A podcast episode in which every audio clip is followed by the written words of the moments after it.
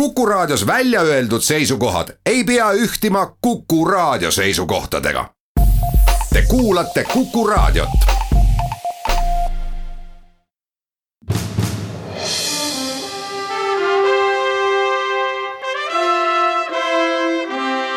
vahetund Postimehega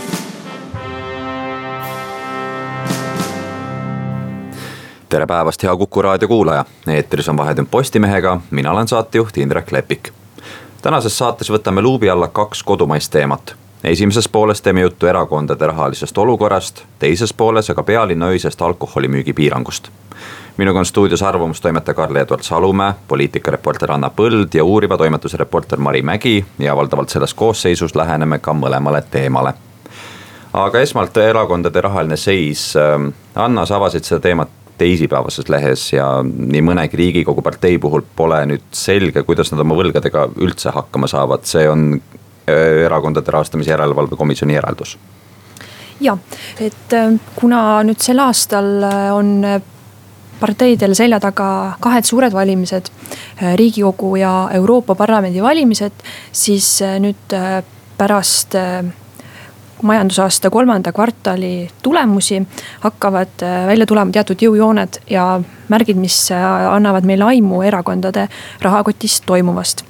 ja mis meile siis vastu vaatab, et ähm, kolm äh, suurt parteid, sealhulgas meie peaministripartei ja suurem, suurim opositsioonierakond, Reformierakond, vaevlevad, vaevlevad tõsises rahahädas ja kõige-kõige hapum seis on Keskerakonnal, kellel äh, siis äh, piltlikult öeldes vaatab vastu pangakontolt äh, enam kui kaheksasaja tuhande suurune, euro suurune miinus.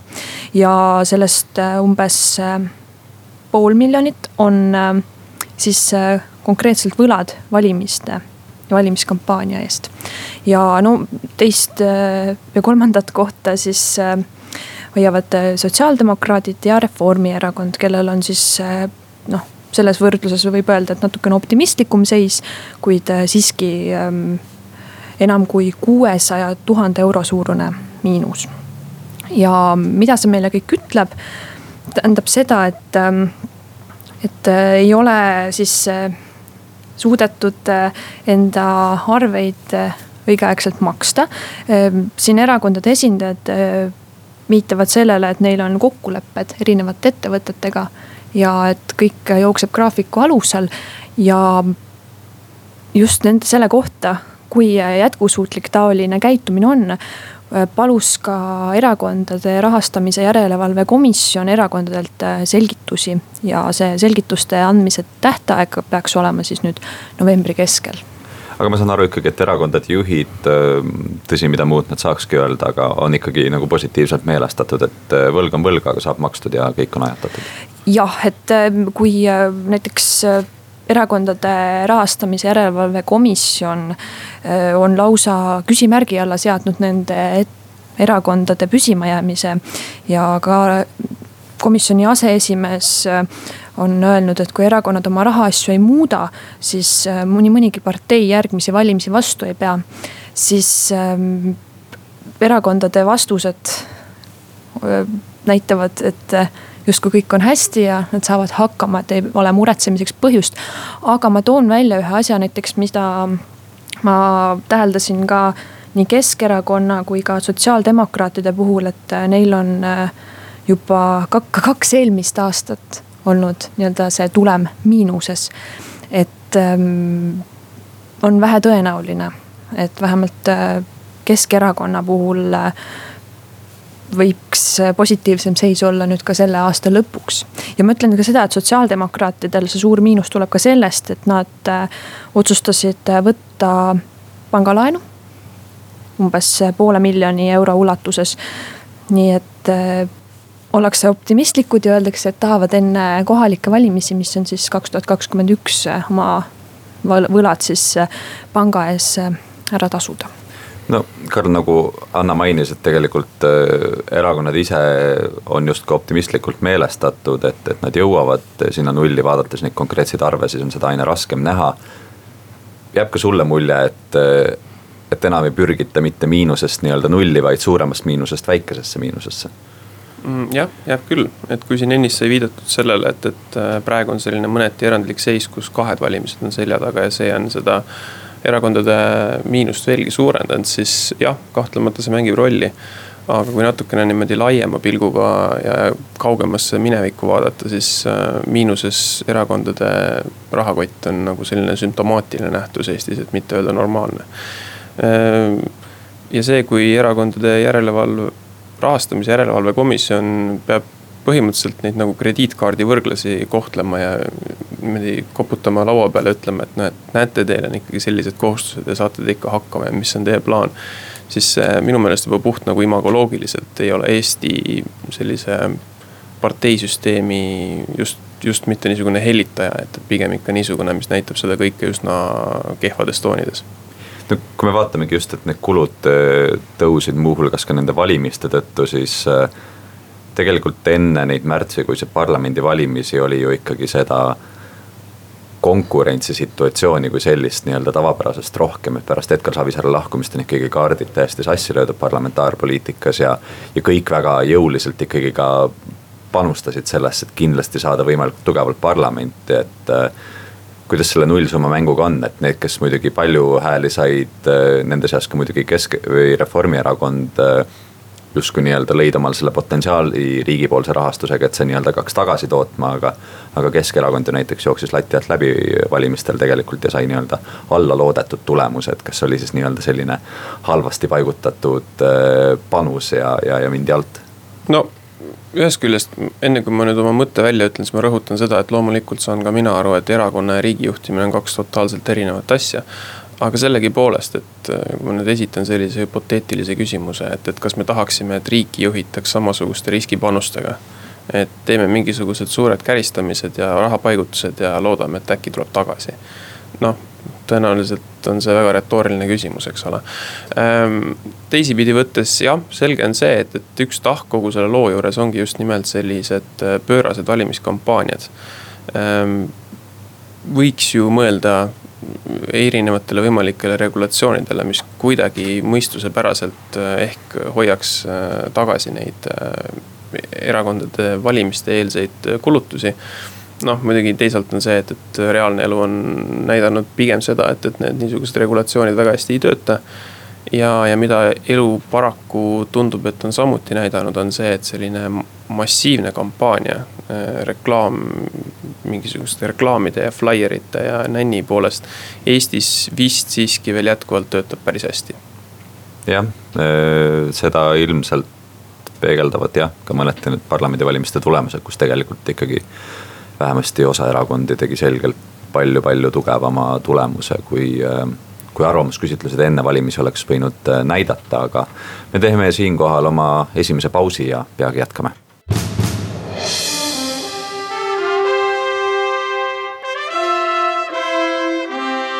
vahetund Postimehega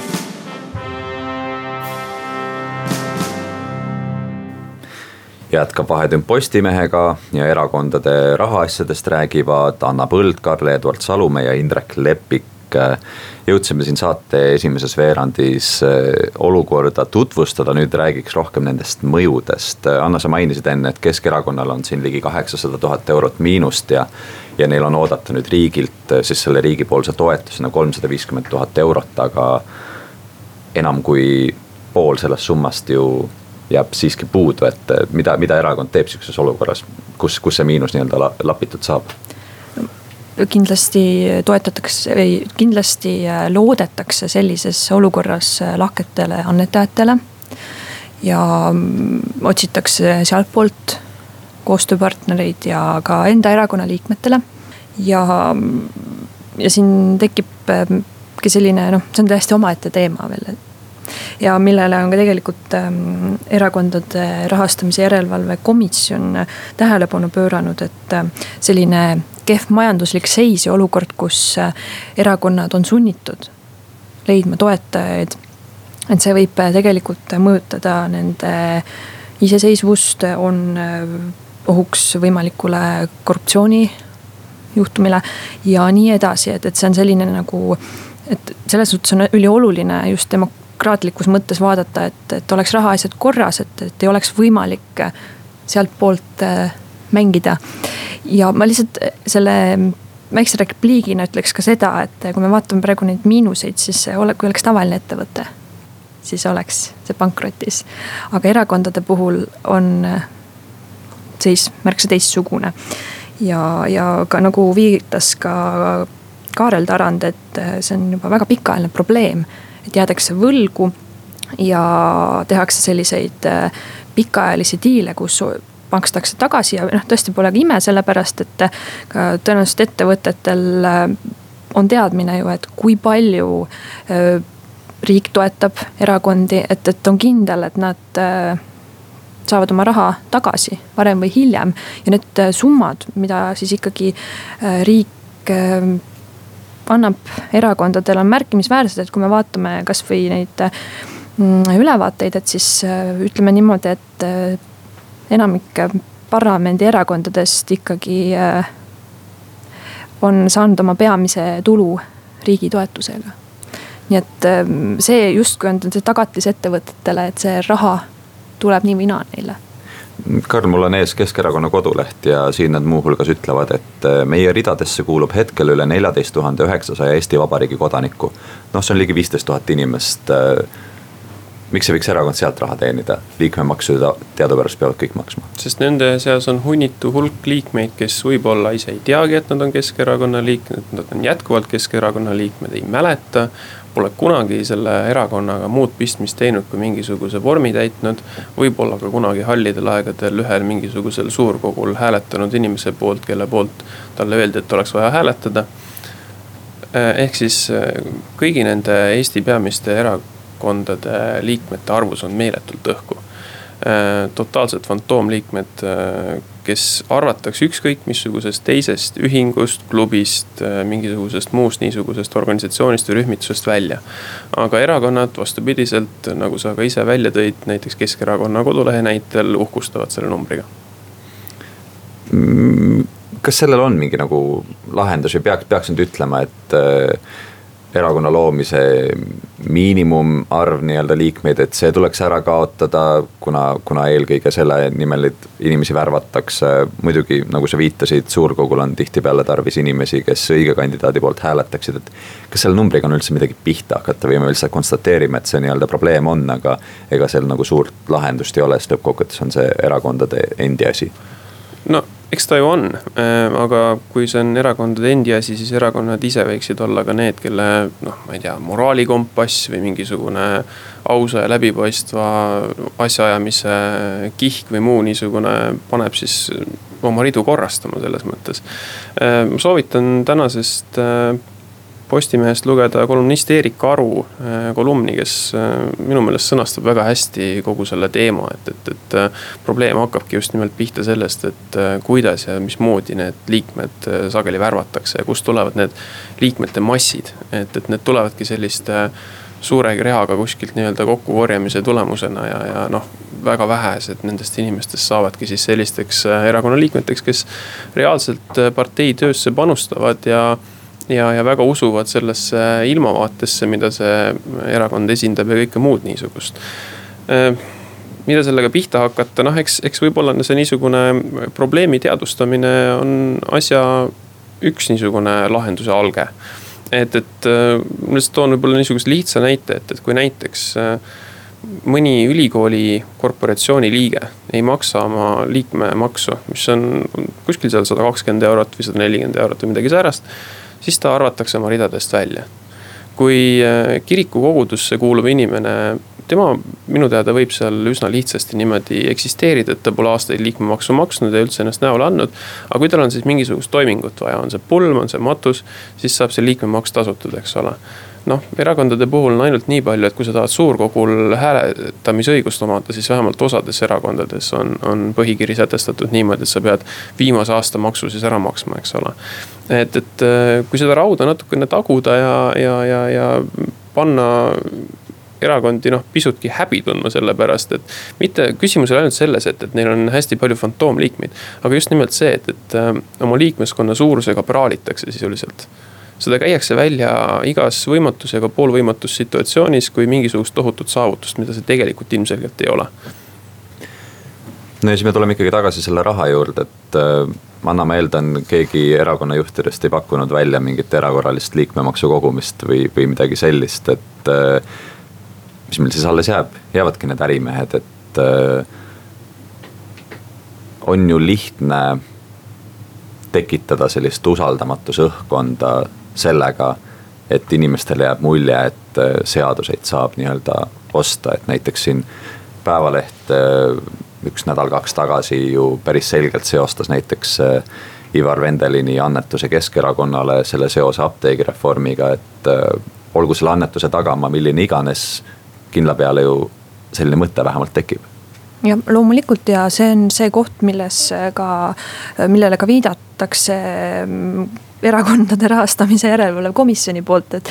et, et mis on see nagu, miks on nii oluline, et rahaasjad oleksid korras ja miks meil on äh, vaja rääkida sellest, miks meil on vaja teadvustada, et see on probleem et, et see ei ole normaalne, et meil on äh, niivõrd suurtes võlgades äh, erakonnad, noh suurusjärk, et tõesti viiest parlamendierakonnast kolm. et, et see, see, see ei ole tegelikult normaalne seis. Ja, ja sellele viidataksegi, et noh, et just selliste juhtumite vältimiseks tuleks ikkagi rahaasjad äh, korras hoida, et äh, ei tekiks selliseid äh, küsimusi ühiskonnas õhku. Äh, jah, no ega selle riigi toetuse mõte ongi ju tagada erakondadele selles mõttes normaalne eksistents, et nad ei oleks sõltuvad äh, üksikute ärimeeste noh, jutumärkides heldetest annetustest, mille tagant vähemasti kahtlustada võib paraku pahatihti mingisugust soovi, eks ole, või mingisugust huvi. aga see, et, et äh, tõepoolest noh, eks, eks seda on hästi raske konteksti panna, et kas näiteks see, et, et Reformierakond suurima mandaatide arvuga erakonnana saab iga kuu riigilt seda toetust äh, peaaegu sada viiskümmend tuhat eurot, on seda palju või vähe, et noh. tavalisele inimesele see tundub ikkagi üsna röögatu summa, et, et aasta peale üks koma kaheksa miljonit lihtsalt nagu ühele erakonnale toetust. Teisipidi võttes jälle, kui see tõepoolest äh, tagaks erakonnale sellise rahaseisu, et, et nad on plussis, nad on selles mõttes majanduslikult suhteliselt heal järjel, siis äh, noh, nii-öelda mõeldes sellele ideele, mida see riigipoolne toetus kannab, see võiks olla igati õigustatud rahanumber, eks ole. Aga tõepoolest, et, et kuna elatakse jätkuvalt üle oma võimete, siis probleem on, on väga tõsine tõepoolest no tundub ikkagi, et seda riigipoolset toetust on võetud lihtsalt sellise hea garantiikirjana, et kui enne, muidu oldakse, eks ole, näiteks Keskerakonna näitel siin viiesaja tuhandega miinuses, siis nüüd ollaksegi kaheksasaja tuhandega lihtsalt sellepärast, et see kolmsada viiskümmend tuhat annab veel selle lisapuhvri kui me vaatame seda viimast kvartalit. jah, no mis puudutab Keskerakonda, siis väga sellistel noh, nagu juhtkirjas sai sõnastatud kirjudel põhjustel on nemad miinuse poolest nagu alati eesrinnas olnud. Ehk siis küsimus ei ole mitte ainult Keskerakonna puhul mitte ainult siis selles, et, et kui palju nad on näiteks reklaami peale valimiste eel raha kulutanud, vaid seal on kõiksugu muud äh, ajaloo taagad ka nagu kaela peal. jah, omajagu kohtukulusid äh, on Just. pidanud Keskerakond selle aja jooksul kandma aga meie tõmbame oma saate pooltunnile joone alla, saame erakondadele vaid soovida rohkem läbipaistvust ja nii-öelda kasinemat majandamist, et äh, üle oma jõu ei maksa elada.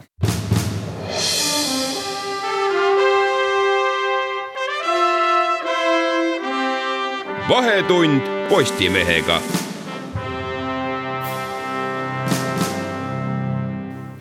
ja jätkab Vahetund Postimehega. stuudios on arvamustoimetaja Karl-Eduard Salumäe, poliitikareporter Anna Põld ja uuriva toimetuse reporter Mari Mets. Saadet juhib Indrek Lepik. Saate teises pooles räägime Tallinna öisest alkoholimüügi piirangust, täpselt siis müügipiirangust äh, baarides, pubides, restoranides ja, ja kõigis muudes sarnastes asust, asutustes Anna, ka selle loo puhul oli sul au tänases lehes avang teha. kaugele selle eelnõuga nüüd Tallinnas jõutud on, mis, mis, mis seisus see plaan on? Nüüd on niimoodi, et Tallinna linnavalitsus kiitis selle heaks. täna keskpäeval siis pressikonverentsil jagati selle kohta ajakirjanikele selgitusi. ja nüüd ootab ees arutelu Tallinna linnavolikogus, misjärel siis selgub, et kas kiidetakse heaks ja kuidas see käiku läheb, et kui selle stsenaariumi järgi kõik niimoodi läheb, siis peaks olema keelud meil juba kaks tuhat kakskümmend suvel, mis siis on järgmine suvi. räägime kiiresti taustaks, mis keelud need on, ühesõnaga linnavalitsust, eelkõige siis linnapea Mihhail Kõlvartit on häirinud fakt, et osa eh, taolisi asutusi siis pärast kella kahte, kella kolme endiselt müüvad alkoholi ja, ja, ja see teeb nii-öelda kohalikud elanikud rahutuks, sellepärast et see on ka teinud nende baaride, pubide küla, külalised rahutuks, et äh, mis, mis need Kõlarti peamised etteheited on olnud või mis see asja nagu iva, iva on olnud? no asja iva hästi lühidalt kokkuvõttes on see, et äh, tööpäevadel oleks siis äh, alkoholi müümine pubides, klubides, võib-olla ka hiljem lahti olevates restoranides keelatud kella kahest kuni kuueni ja nädalavahetusel kolmest seitsmeni ja siis välistatud on, või tähendab keelust puutumata on siis uusaastaöö, vabariigi aastapäev, jaanipäev. ja piirangud ei kehtiks siis lennujaamas, sadamas ja lennujaamas, sadamas, hotellides ja kasiinodes ja peamine põhjus, miks seda tehakse või noh, kuidas seda põhjendatakse, on ikkagi äh, siis ähm, vajadus parandada siis linna avalikku korda, rahva tervist.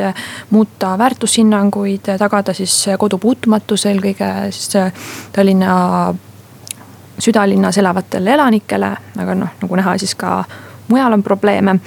ning äh, eriti huvitav on ka see, et tagada Tallinna kui turismi sihtkoha väärtust ja, ja sealt kõige selle taustalt, olles siis kogu selle seletuskirja läbi lugenud ähm,, koorub välja ka selline suur äh, alkoholi tarbimise kultuuri muutmise plaan alustame. kõlab, kõlab väga ambitsioonikalt. Äh, Mari, sa käisid seda alkoholikultuuri äh, nii-öelda oma silmaga vaatamas siin äh, juba mõned nädalad, kui mitte mõni kuu tagasi. kui sa nüüd vaatad sellele plaanile peale, on sul nagu tunne, et, et see on samm õiges suunas?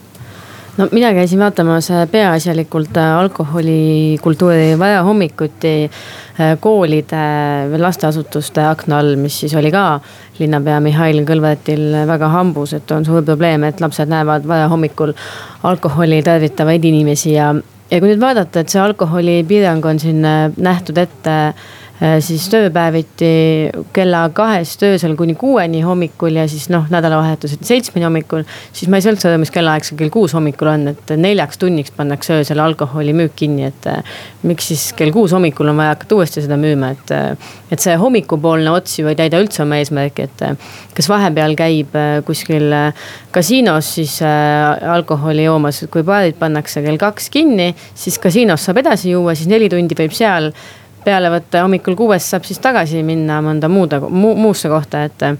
et kindlasti võib mõista seda see nende inimeste pahameelt ja kogu seda probleemistikku, mis kaasneb sellega, et äh, klubid ja pubid tegutsevad elumajade lähistel, inimesed tahavad äh, ilmselgelt minna magama, võib-olla ammu ilma juba kell kaks, aga miks hommikul siis äh, enne kukke ja koitu uuesti hakatakse müüma, et see on ka selline arusaamatus ja. ja teine huvitav tähelepanek siit siit seletuskirjast ma vaatan, et et need piirangud ei kehti siis uusaasta ööl, jaanipäeva ööl ja ööl vastu kahekümne viiendat veebruarit. ma ei tea, mis öö see selline on, kui kõik lähevad pärast vabariigi aastapäeva järgmisel hommikul tööle, et, et noh, see nagu ei tundu ka vist kõige, kõige esmasem vajadus selle ööl erandeid teha, et see on kummaline kuupäeva valik no Tallinna linna opositsioon, eeskätt äh, Kristen Michali näol ütleb, et äh, see kasiinoerand sunnib inimesed kasiinosse. ja, ja kui juba mõni inimene läheb kasiinosse jooma, siis noh, ilmselt on see eeldus, et küllap ta siis ka seal mõne mängu teeb, et äh, mis sellest kasiinoerandist arvate? no äh, ei oska praegu rääkida sellest, et äh, kuidas see asi nagu nüüd reaalselt välja hakkaks nägema. aga mm, siin on kaks asja, et kui me vaatame näiteks, et kui palju meil on äh, Tallinnas äh, kasiinosid ja kus nad siis asuvad kõige rohkem, et siis meil on Tallinna linnavalitsuse andmetel kokku siis kolmkümmend seitse hasartmängukohta ja neist üksteist ehk siis kõige rohkem asub Lasnamäel. võrdluseks siis äh, baare ja klubisid on kõige rohkem kesklinnas. et ähm, siin tekib esimene küsimus, et ähm, et miks üldse siis kasiinodele selline erand tehti.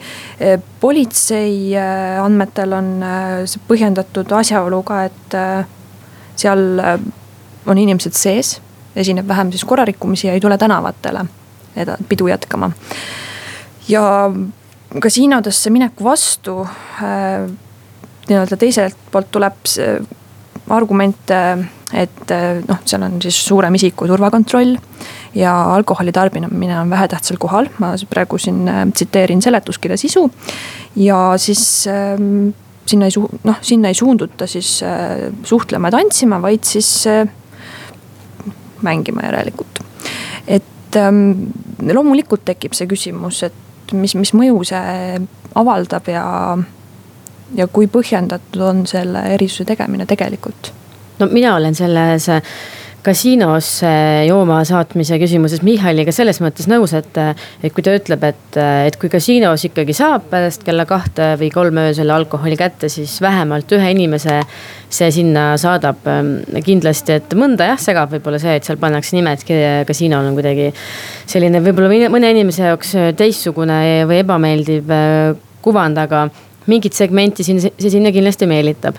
teine asi on minu meelest see, et äh, kus võib rahumeeli edasi juua, siis öösel on äh, majutusettevõtete fuajeedes asuvad müügikohad. ehk äh, suurepärane võimalus kõikide vanalinna hotellide hotellibaaridele ja nende siis lobidele ennast hakata siis reklaamima, teha seal selliseid noh, pakkuda seal inimestele öösel alkoholi, et et võib-olla see ongi õige lahendus, et äh, eks hotell on ka huvitatud, et neil seal öösel liiga kõvaks läbuks ei lähe, et siis nad hoiavad seal vaikset joont ja inimesed saavad seal edasi juua, et võib-olla on sellega siis kõik nagu osapool, kõikide osapoolte huvid rahuldatud. no kui me vaatame seda, et äh, nii kasiinode kui siis hotellibaaride kasuks peaks justkui mängima see, et inimesed ei tilgu sealt õue suitsetama ja lärmama, et. Äh, kas ei oleks siis lihtsam kuidagi nende suitsuruumide poolt läheneda? Karl, mis sina arvad? Ausalt öeldes mul on väga raske öelda, võtta oma seisukohta, et, et ähm, e,. ütleme niimoodi, et, et elu kipub ikka näitama, et äh, kui on väikegi võimalus selleks, et, et äh, osa mingisuguste hilistel aegadel lahti olevate asutuste inimesti hakkavad teisi häirima, siis see reaalsuses ikkagi tekib. ükskõik kui mingisuguse kavala nipi sa välja mõtled. no meil on ju päris palju näiteid ikkagi kõikides teistes Euroopa linnades, kuidas suudetakse üsna efektiivselt äh, tegeleda sellega, et inimesi ei lubata baaridest välja oma jookidega, neid ei lubata sinna suitsetama. seal baari ukse ees ei saa koguneda, mingid äh, kambad, need aetakse laiali, baarid palkavad selleks omale mingid turvamehed, et. et seda tänaval äh, suitsetamise ja lärmamise küsimust saab minu meelest küll ikkagi päris lihtsalt lahendada ka mingite muude meetmetega, et see kohustus tuleks panna lihtsalt ettevõtjale, sellele paadipidajale. küll aga jah, see ei, ei mõjutaks seda seda teist äh, poolt, mis siis äh, kõlvajat räägib, et noh, et tervisekäitumist kuidagi võiks muuta, et ei peagi nii hilja öösel enam jooma, et jah, seda see ei mõjuta, aga sellist äh, linna heakorda või, või öist vaikust või lärmi tänavatel annab küll sellega piisavalt hästi reguleerida. ega iseenesest ka see poodides kehtiv alkoholimüügi piirang ei ole ju teab mis suurel määral alkoholi nii-öelda läbimüüki mõjutanud, et, et kindlasti siin on ka omaette küsimus selles, et.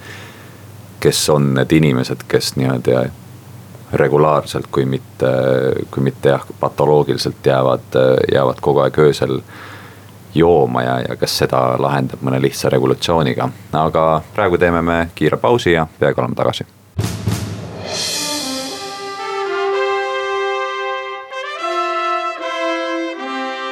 vahetund Postimehega.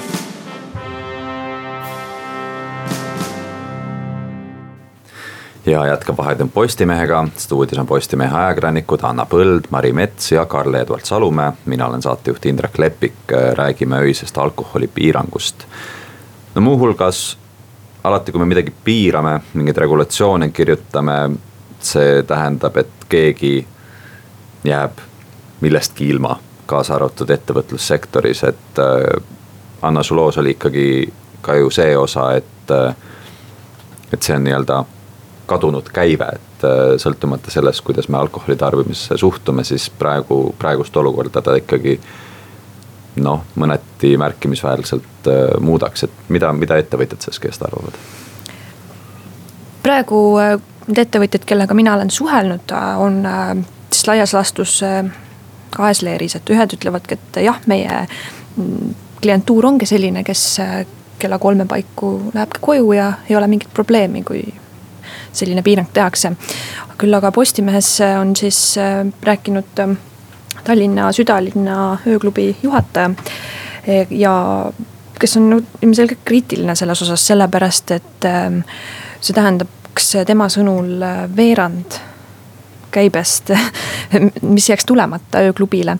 ehk siis korralik majanduslik hoop ning ähm, iseasi on see, et jah, et ähm, ta tõi välja ka siin loos, et äh, kuigi nagu ka mujal Euroopas äh, on äh, nii-öelda see pidutsemine kolinud natukene varasematele kellaaegadele, siis tõenäoliselt nii kaua, kuni see kultuur, see suurem joomise kultuur pole siis muutunud, tähendab see ettevõtetele reaalselt siis kahju selles mõttes, et ei saada nii palju raha kui varem no ma saan aru, et Tallinnal on ka selged eesme-, mitte eesmärgid, eeskujud, keda, kellest nad nii-öelda lähtuvad, et, et, et kus me siis nii-öelda, mis see meie mall on?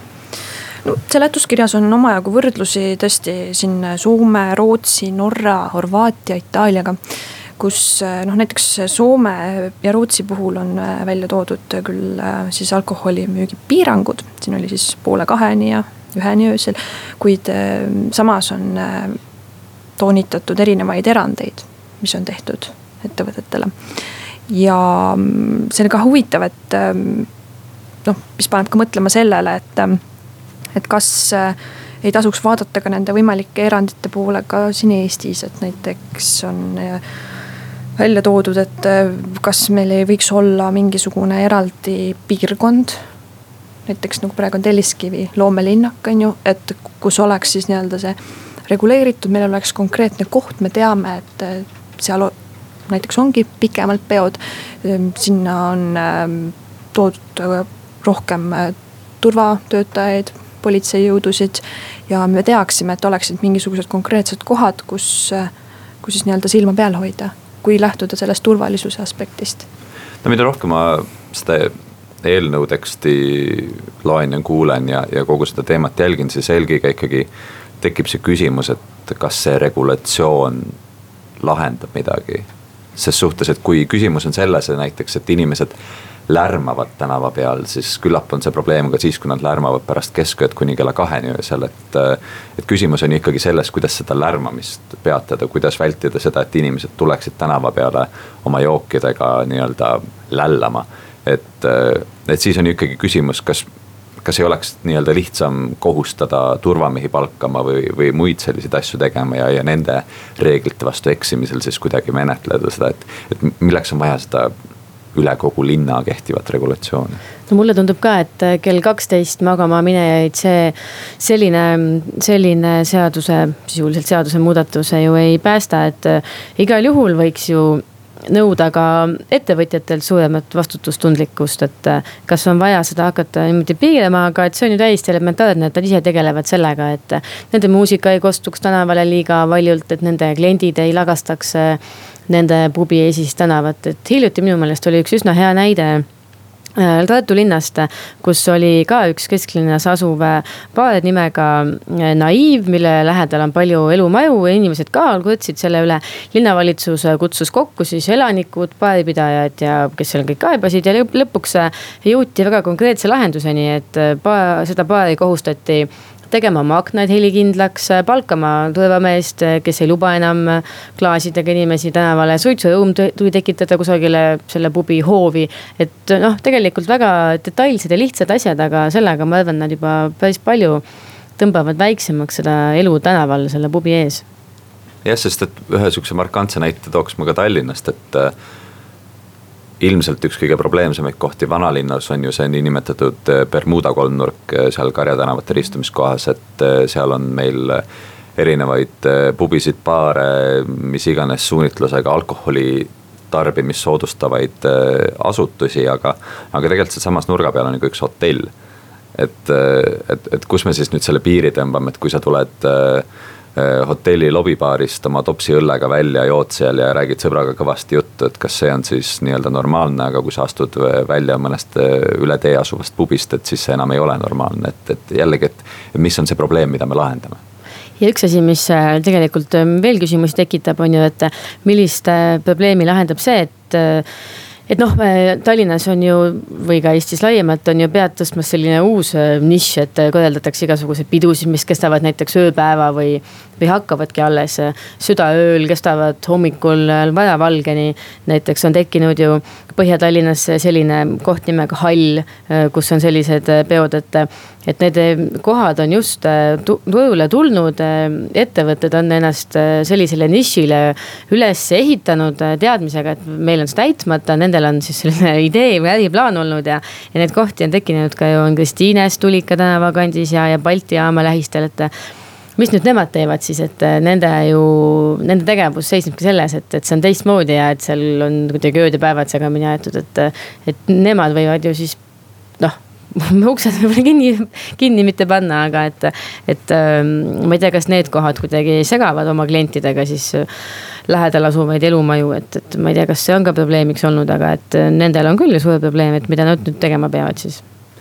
jah, eks, eks siin on ju alati võimalus ka mingitele loomingulisematele lähenemistele, et eh, muidugi hasartmängude läbiviimiseks on vaja igasuguseid erilubasid, aga lõppkokkuvõttes on ju alati võimalik nii-öelda väga piltlikult öeldes üks mänguautomaat ja üks hotellivoodi endale kuskile kapinurka ehitada ja tegelikult ennast nii-öelda ümber, ümber turundada, et eh, üldjuhul ettevõtjad on väga loomingulised selliste kohtade pealt, aga ütleme niimoodi lõppkokkuvõttes paistab praegu, et see asi tehakse ära ja läheb nii, nagu, nagu Mihhail Kõlvart on seda plaaninud. nüüd, mida lähemalt seda eelnõud vaadata, seda, seda rohkem tundub, et see lööb ikka väga laia labidaga ja konkreetset probleemi ikkagi ei lahenda, et. et sel-, kui see sellisel kujul jõustub, siis kaheteistkümnest kaheni ikkagi on vanalinna tänavatel muutusteta ja sealt edasi siis peab hetkega kõik vaikseks jääma, et. et võib-olla oleks võib-olla oleks ikkagi kavalam seda sellist äh, nivood ühtlaselt tõmmata äh, madalamaks, panna rohkem kohustusi ja vastutust äh, oma tegevuse eest ka ettevõtetele endile, kes neid kohti peavad. Karl, lõpetuseks, läheb nüüd elu Tallinnas paremaks, kui kahest kuueni enam juua ei saa? minul on elu juba praegu väga hea, ma lähen alati nädalavahetuseks Tallinnast ära.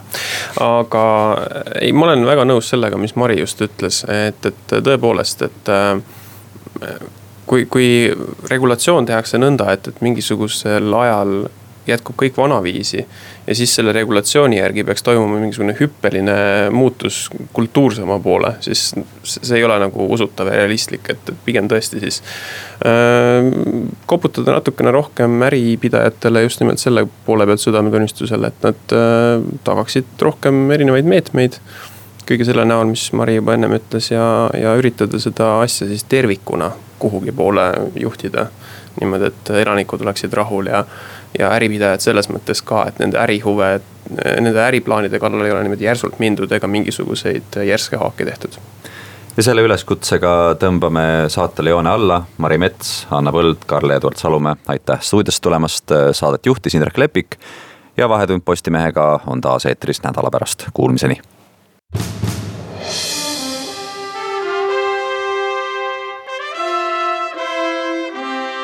Vahetund Postimehega